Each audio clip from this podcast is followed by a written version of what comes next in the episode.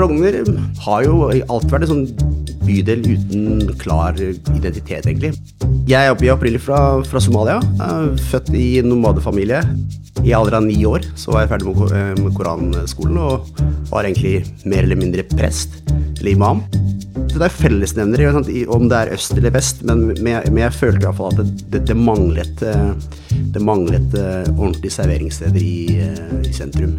Og i etterkant så har det kommet mange fantastiske tilbud som gjør at Youngstorget er liksom, kanskje det største utelivsområdet i, i det landet her. Når shit hitter fan, så finner du ut virkelig, virkelig ut hvem som er hvem. Vi sto på terrassen på Stratos og så ned, og så at eh, Youngstorget var i ferd med å blomstre. Og vi tenkte at vi må prøve å være litt i første etasje også. Bak fasaden med DJ og Rønne. En podkast fra Estate Media. Velkommen til en ny episode av podkasten Bak fasaden med DJ og Rønne. Jeg er Dag Jørgen Saltnes. Og jeg er Silje Rønne. Og i dag har vi med oss en gjest som uh, veldig mange der ute sikkert har et forhold til. Og om de ikke har et forhold til han, så har de i hvert fall et forhold til en del av de stedene som han har vært med å starte opp. Yama Avalle, du er gründer og partner i By-Oslo. Uh, utelivsaktør som Eller Bay Oslo. Ja. By-Oslo Bay. Begge funker. Begge funker. Ja. Uh, Starta bl.a. Stra Stratos og Justisen, eh, som dessverre er lagt ned. Men har nå steder som F6, Gamle museet, Nedre Løkka cocktailbar, BA3, Ivy, Libertine vinbar og Michaels. Velkommen. Takk, takk. Veldig hyggelig å bli invitert. Takk, takk. Veldig hyggelig å bli invitert. Hvis ikke du vet hvem Yama er, så er du enten for gammel, eller så har du aldri prøvd å komme inn på byen. Eh, en av de menneskene jeg husker ganske godt fra da jeg flytta til Oslo, eh, som det gjaldt å prøve å liksom smile litt pent til hvis du skulle inn da, og helst på Barbeint, som var eh, it-stedet da, det var Yama.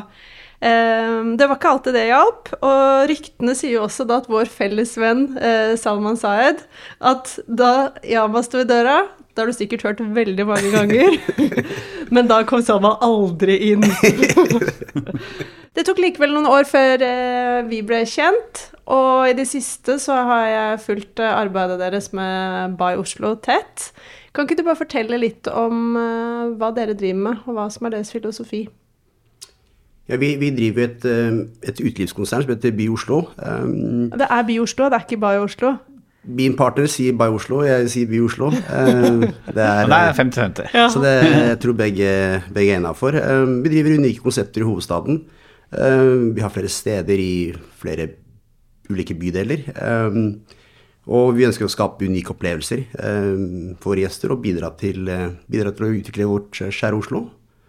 Um, ingen av våre konsepter er like. Um, uh, konseptene handler egentlig om å finne spesielle locations, um, adresser, uh, ofte med historisk sus, og som kan passe inn i de ulike bydelene.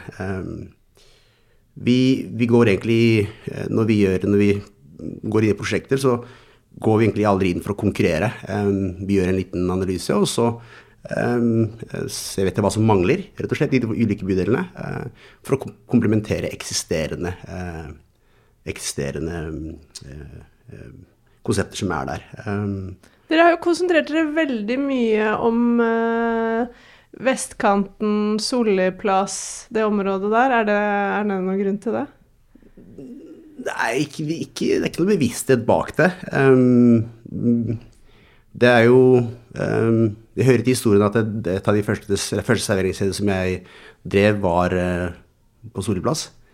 Um, før, vi, uh, før vi startet opp flere prosjekter i sentrum. Um, men jeg flyttet egentlig til, til, Frogner i 2017 i forbindelse med prosjektet BA3. og bodde egentlig da på Løkka på det tidspunktet. Um, og skulle egentlig bare komme nærmere oppstarten og være mer til stede i forhold til byggefasen osv. Og, så og så, skulle, så var planen å flytte tilbake til østkanten. Mm. Um, så har det dukka opp masse um, herlige muligheter i, i, vest, spesielt i Frogner. Eller Frogner, som er ganske booming om dagen. Så Men, men var det for dårlig tilbud der? eh, Før dere begynte å starte opp flere tilbud? Eh, På Frogner? Ja. Ja, altså Frogner eh, har jo alltid vært en sånn bydel uten klar identitet, egentlig. Mangler kanskje litt sjel, skal jeg være helt ærlig. Um, og um, det er jo i nyere tid det har dukka opp masse fine konsepter. ba- Barer, restauranter, nattklubber. Somro har kommet. Eh, ambassaden skal åpne. Eh, så um, det, det har vært eh, litt mangel på tilbud, ja, før, eh, før de siste kanskje åtte til ti årene. Men hva var det første stedet du starta? Var det Marbeint, eller var det noe før det?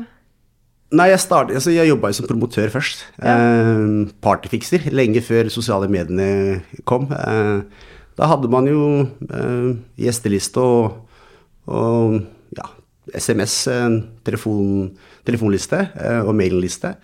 Eh, promoterte masse nattklubber i Oslo. Cosmo, Living Room etc. Men, men hvordan liksom fikk du det nettverket da? For jeg tenker sånn, jeg vet jo du, du er jo Oslo-gutt. Ja. Men var du bare kjempemye på byen, og så ble du kjent med folk, eller hvordan, hvordan eh, gikk det til? Nei, nettverket kom egentlig gjennom, eh, gjennom eh, eh, mote, egentlig, Ja. som jeg jobba med før. Og eh, da har man jo det innpass, og så tror jeg at eh, man alltid har vært blid og eh, imøtekommende. Og, eh, lenge før, som sagt, før sosiale medier, og da hadde vi gjesteliste og SMS, og så ble, lagde vi superkule fester som var populære, og skjønte etter hvert at det her kan vi her må vi gjøre litt mer. Og der, der kom Barbein til, som vi startet opp i 2005-2006 sammen med Tore, Tore Frisholm. Og det ble jo en kjempesuksess. Uh, litt sånn knøll, altså lite, lite høl i veggen på, på Solli plass. Uh, solgte tonnevis av eh, champagne, og, og eh, det ble en institusjon og som eh, ble bra suksess, og som egentlig la eh, grunnlaget og fundamentet for videre eh, videre passion, egentlig. For jeg tror ikke, hadde det ikke vært for Barbein, så tror jeg ikke hadde sittet her i dag. Du sa du drev med mote. Hva var det? Um, jeg spilte fotball i Vålerenga, skulle bli fotballproff. Um, og så ble jeg skadet, og under skadeoppholdet så fikk jeg, eller jeg ble oppdaget av et modell, modellbyrå. Um, og så fikk jeg muligheten til å jobbe som modell. Fikk reist masse um, til storbyer i Europa og ute i verden.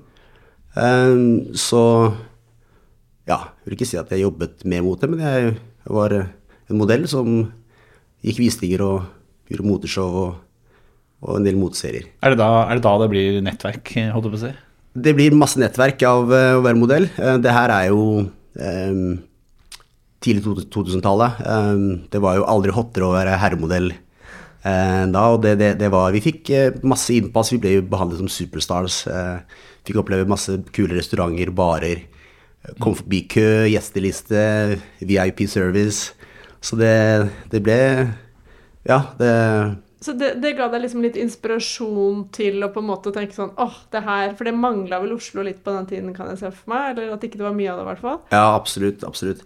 Var, vi, jeg kom jo hjem etter noen år og savnet liksom det som vi fikk oppleve i utlandet.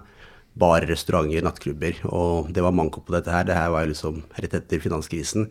Og da måtte vi ta, ta saken i egne hender og se om vi kunne skape noe, noe av det som vi hadde opplevd rundt omkring. Når yrkesstolthet er standard, blir høy trivselsfaktor på arbeidsplassen en selvfølge. I Bundegruppen vet vi at det er du og jeg som kan utgjøre forskjellen. Derfor er vi så opptatt av verdigrunnlaget vårt – folk. Folkeskikk, orden, lagånd og kundefokus. Folk skaper verdier, og verdier skaper folk. Finn ut mer på bundegruppen.no. Jeg tenker Vi må jo på en måte gå litt sånn tilbake her for å forstå hvem du er og eh, din reise og hvor du kommer fra. For jeg tenker det er jo ikke helt sånn gitt at det var nattklubber og uteliv du skulle starte med. Nei. Eh, Nei, altså, jeg er opp- jeg er opprinnelig fra, fra Somalia. født i nomadefamilie um, i Hergeisa. Um, bodde hos min bestemor. Uh, vi er jo seks gutter og to jenter. Eh, og jeg bodde hos bestemoren min og gikk på skole. På formiddagen så gikk jeg på vanlig skole, og ettermiddagen så gikk jeg på koranskole. Eh, I alder av ni år så var jeg ferdig med, eh, med koranskolen og var egentlig mer eller mindre prest. eller imam. Og faren min, eh, det var jo det han ville at jeg skulle bli. Og jeg var egentlig på god vei til å bli det, og så startet borgerkrigen i Somalia i 1988. Og så måtte man flykte. Flykta vi til grensen mellom Somalia og Etopia, flyktningsleir. Hele familien? eh, Hele familien, ja. Um, og supertøff opplevelse som barn. Um, Du er eldst, eller er Nei, brødrene, eller? Nei, jeg er i midten. Ja. Um, så det er tre eldre og fire yngre, så jeg er i midten ish. Og så um, ja, var vi der i halvannet år. Uh, så hadde vi, vi noen slektninger i, i Norge. Og da var det naturlig at man uh, søkte tilflukt videre fra, fra flyktningleiren. Og kom til Norge i 1989. Uh, slutten av 89. Um, kom til Fornebu flyplass. Um, og så var det rett på flyktningsleir, eller flyktningsmottak. Uh, Hele familien, eller? Nei, jeg kom jo først aleine. Og da var du ni år? ja, ni, ni og noen måneder. Eh, så var det Tanum asylmottak, eh, Hvalstad asylmottak, Klemetsrud, eh, Mortensrud, før vi eh, fikk familieomforening, Og mamma og mine søsken kom til Norge da i 91 eh, ish, tror jeg. eh, Slutten av 91. Husker du liksom hvordan den perioden var litt sånn når du kommer da alene? Det må være ganske annerledes enn Somalia. Liksom noen tanker man, du hadde da? Ja, det var helt eh, surrealistisk, egentlig, fordi det var en helt ny verden for, for meg. Eh, Jeg husker jeg landet på Fornebu og hadde aldri sett eh, snø før. Eh, jeg trodde seriøst det var sukker, liksom. Og begynte å, å spise det. Skjønte at dette var Det er samme, dårlig, dårlig sukker. ja, det er samme farge, men det smaker ikke likt. Så det var, det var kultursjokk, eh, skal jeg være helt ærlig å si. Men eh, ja. Men hva var det du drømte om da, når du begynte på skole og fikk eh, venner og Altså, hva var det liksom du så for deg? Var det å reise hjem igjen og etter hvert, eller hvordan Ja, altså, vi, vi trodde at det skulle være kortvarig, ikke sant. Ja. Og det var bare at vi rømte bare fra krigen, og ting skulle ordne seg, og så skulle vi flytte hjem igjen. Så skjønte man etter hvert at uh, dette var permanent. Eh, spesielt når familien min eh, kom, og mine søsken kom, så, så da ble det jo at man går på skole, da. Integrerer seg, lærer seg norsk. Um, og så spilte jeg, ja, veldig glad i, i fotball. eh, og skulle bli rett og slett fotballproff. Eh, Vi har hatt noen gjester her som skulle bli det. Det var ingen som har blitt det. Hadde ikke du en drøm om det som barn òg? Jeg skjønte det eh, eh, da- liksom toppa tredjedivisjon eh, da nei, Det var taket, og det var ikke fast plass der engang. Da, eller, da skjønte jeg Da blei det BI i stedet.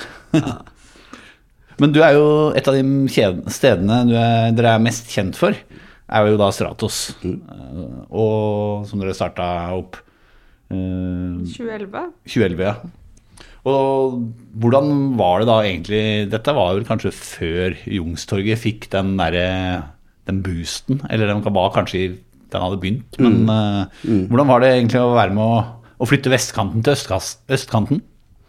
Ja, Det var veldig gøy, faktisk. For vi, vi, vi drev jo barbeint igjen, som var en supersuksess. Og østkantgutt som jeg er, så var det jo ekstra stas å ha suksess i vest.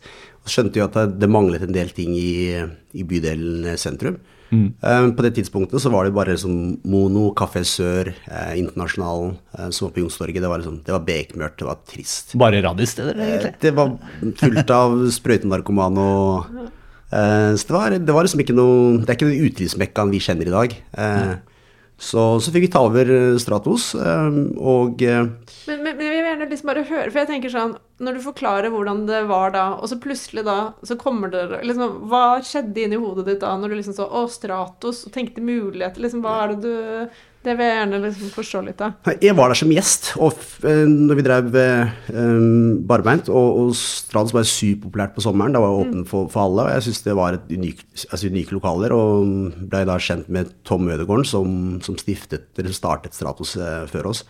Um, og han ble litt lei, um, og jeg spurte han sånn på fleip sånn Du må gjerne si fra en dag hvis du eh, trenger at eh, noen andre skal ta over stafettpinnen. Og så fleipa litt, av det, og, og jeg, trodde egentlig aldri det skulle skje. Og så ringte han meg en dag og spurte om vi kunne tenke oss å ta over, og da var det Ja, det var allerede solgt for lenge siden, så det var jo Jeg trodde egentlig han fleipa med meg. Så, Så Stratos øh, øh, Det var jo Det er fellesnevnere om det er øst eller vest, men, men, jeg, men jeg følte i hvert fall at det, det, det manglet eh, det manglet eh, ordentlige serveringssteder i, eh, i sentrum. Eh, og, og i etterkant så har det kommet mange fantastiske tilbud som gjør at eh, Youngstorget er liksom kanskje det største utelivsområdet i, i det landet her. Men det er godt gjort å få fylt opp et sted som er så knotete å komme, Ja, komme så, inn på. Så tenker jeg litt sånn Med den heisen. Ja. Så tenker jeg sånn, Mange av de på kundelisten din, da, eller gjestelistene dine, det var jo på en måte vestkantfolk som elsket å sprute champagne, som satt på spissen. Men hvordan fikk du de da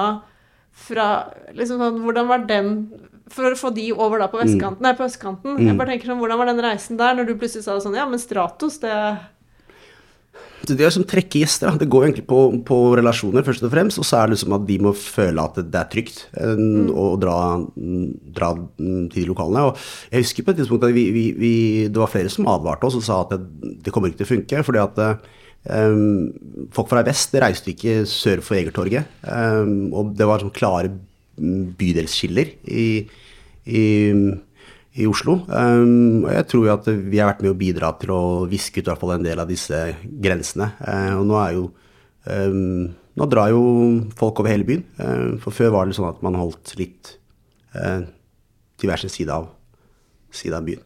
Jeg husker du har fortalt en historie om at du sto og tok imot folk i taxi. Eh, som syntes at det var litt eh, skummelt at du sto liksom klar der og Ja, det var, det var en del gjester som var faktisk litt redde på eh, når, de hadde, når de skulle hjem etter eh, fuktig kveld på Youngstorget, så var de litt redde for å bli rana eller eh, eh, havne i slåsskamp med, med folk. Eh, Så det husker, jeg husker det. Jeg sto på utenfor eh, Youngstorget 2 der eh, og liksom ordna taxi til folka eh, som skulle hjem. Eh, for det var litt mørkt. Det var liksom ikke så belyst, og det, var sånn, det skjedde veldig mye ting eh, i, i området der. Men er ikke det egentlig litt trist? For det, det vitner jo egentlig om at Oslo er en ganske delt by. Altså ganske eh, klassedelt by, kanskje. Mm. Historisk sett så har det vært det. eh, og, eh, men, men jeg tror at det, det er i ferd med å viskes ut. Jeg tror folk nå eh, Folk liksom, kan reise hvor som helst. eh, om du er fra øst eller vest. Eller, og jeg ser jo hvor mange østkantgjester, som man kan kalle det, som er, som er på vestkanten nå. Det, det går jo på tilbud, ikke sant. Og, og at, man, um, at man har konsepter som er spennende og som appellerer til folk. Har du et parkeringsanlegg som kunne funket bedre? Ta kontakt med OnePark. Vi leverer enkel og effektiv parkering, og du får fornøyde bilister og en mer lønnsom drift. Sjekk ut onepark.no. Vi gjør dine parkeringsplasser mer lønnsomme. Men jeg tenker sånn, Du må jo på en måte være usedvanlig god til å lese bybildet. For i hvert fall som jeg vet nå, så har du aldri starta et konsept som ikke har fungert. Og det tenker jeg det er jo veldig unikt i den bransjen du er. Ja, jeg tror vi har vært, vi har vært heldige, både heldige og gode. Um, men, men, men det er liksom Det er sinnssykt mye hardt arbeid bak egentlig etableringer. Eh, en ting er å etablere, en annen ting er å faktisk drifte det over tid. Um, Ja, For det blir en sånn hype som fort går over på nye steder, egentlig. Ja, hypen er liksom fin. Den er både uh, skal jeg si uh, Det er jo Det kan hvile litt forbannelse over det òg, men, men det er liksom man må kjempe og jobbe uh, knallhardt over tid. Det er mange blåmandager. eh, og ja det er jo ikke, det er ikke noe garantert suksess. Vi kan jo f.eks. se på BA3, da, som vi startet i eh, 2018. Hypen var der. Eh, det er sinnssykt første året. Eh, 2019 var liksom eh, super, superår. Eh, og så eh, merker man jo på slutten at det, vi traff ikke helt med konseptet. Eh, og så må man begynne å tune eh, og trimme og liksom gjøre justeringer. Eh, jeg tror det er en del av jobben, å, å være tilpasningsdyktig og, og eh, eh, vri det til, eh, til, eh, til noe annerledes. Og, og du ser jo i dag mm, eh, Vi var jo vi var jo litt uenige internt i gruppa på hva vi skulle gjøre med den, for den funka ikke. Den, Vi tapte jo, vi blødde jo. Eh, um, og en del av oss var, ville bli kvitt den. Jeg ville stå, uh, sto imot og sa at her, her kan vi faktisk lykkes med ting hvis vi står i det. Eh, og nå er det jo det mest populære serveringsstedet på, i, i vest. Og det er jo 80 ganger barbeint, for, å- for å si det sånn. Så, det, så det, man må men, jobbe. Men hva, hva liksom sånn, jeg tenker sånn, Det der synes jeg er kjempeinteressant. For at da ser du ok, det fungerer ikke helt, og så skal du tune litt og gjøre noen justeringer. Men er det ikke veldig vanskelig da, hvis du allerede har mista litt mennesker på at ting ikke har fungert helt, og så skal du på en måte gjøre noen justeringer, og så liksom få det til Hvordan får man folk tilbake igjen da?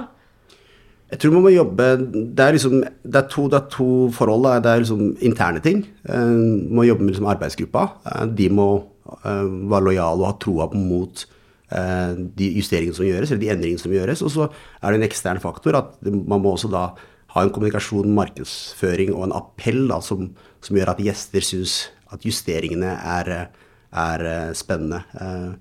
Så, så det, det, er, det er ikke noe det er ikke noe skal jeg si, oppskrift på det, men det er mye hardt arbeid. Og jeg, jeg var jo veldig heldig også. Jeg, jeg ble kjent med byen veldig tidlig. Mm.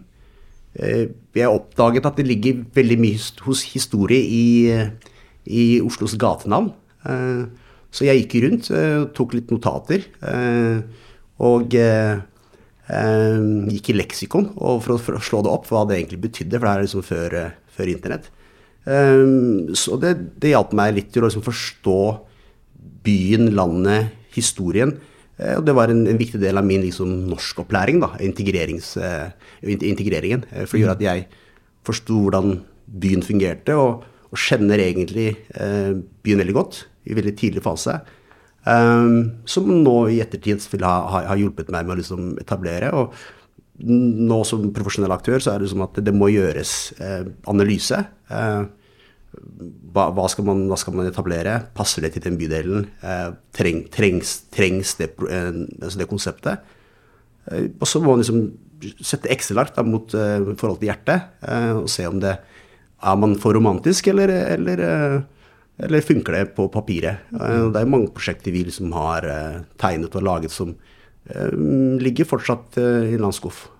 Fordi det ene er ofte Ja, det, det, er ikke, det er ikke god nok balanse, rett og slett. Hvordan var eh, covid? Jeg jeg, altså, jeg regner med det var jo ikke fett, antar jeg?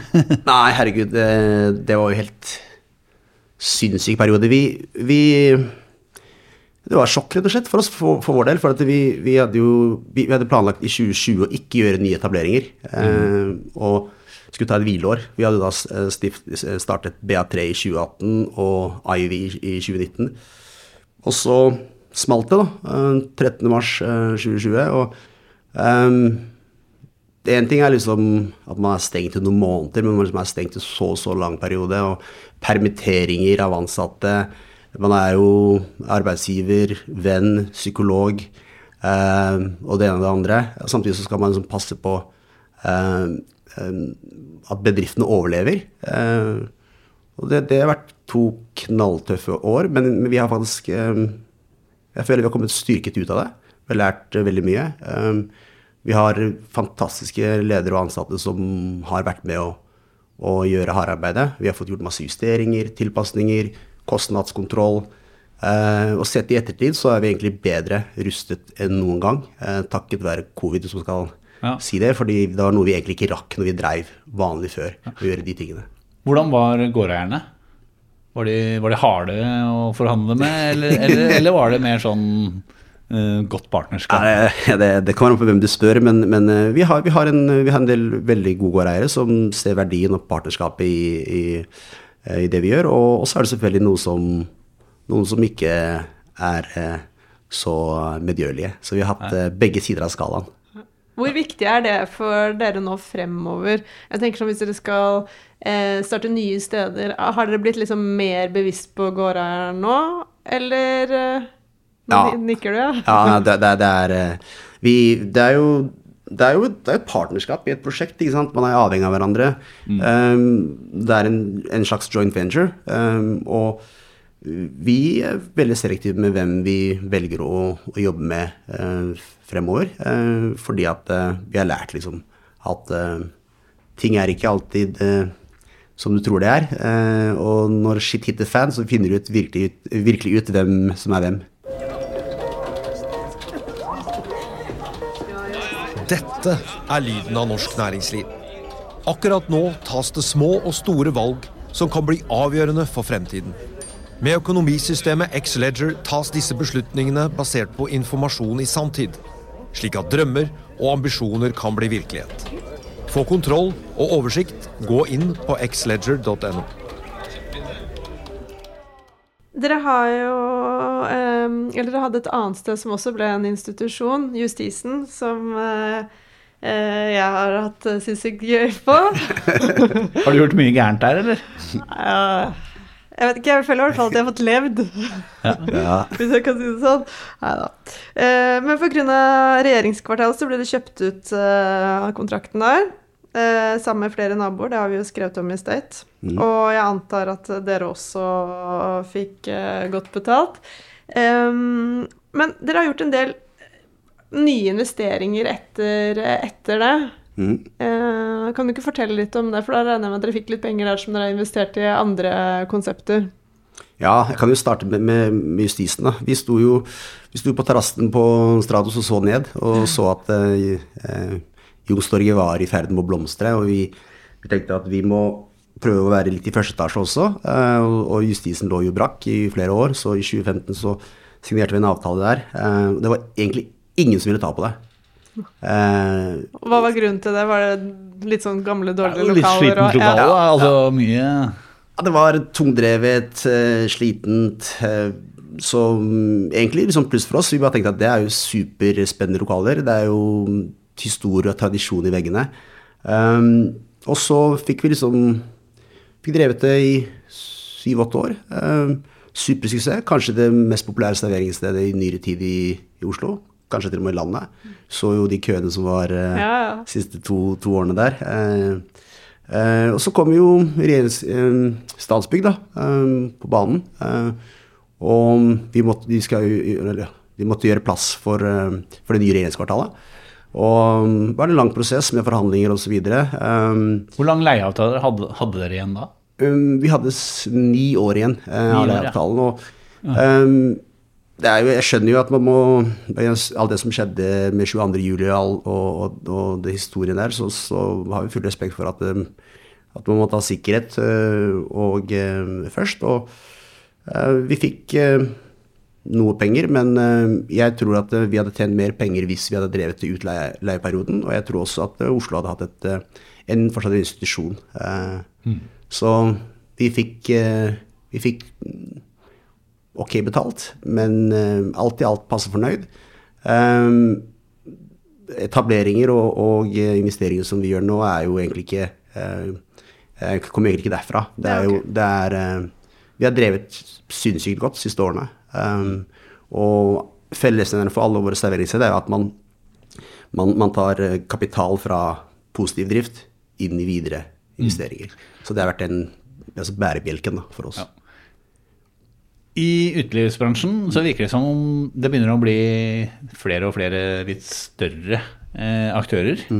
eh, men det er ikke så mange av dere, eh, av de som har mange steder. Altså, går det, det er ikke så mange eh, type, Jeg kaller det kjeder, men det er jo ikke det dere er. Men litt sånn større aktører man kan gå til.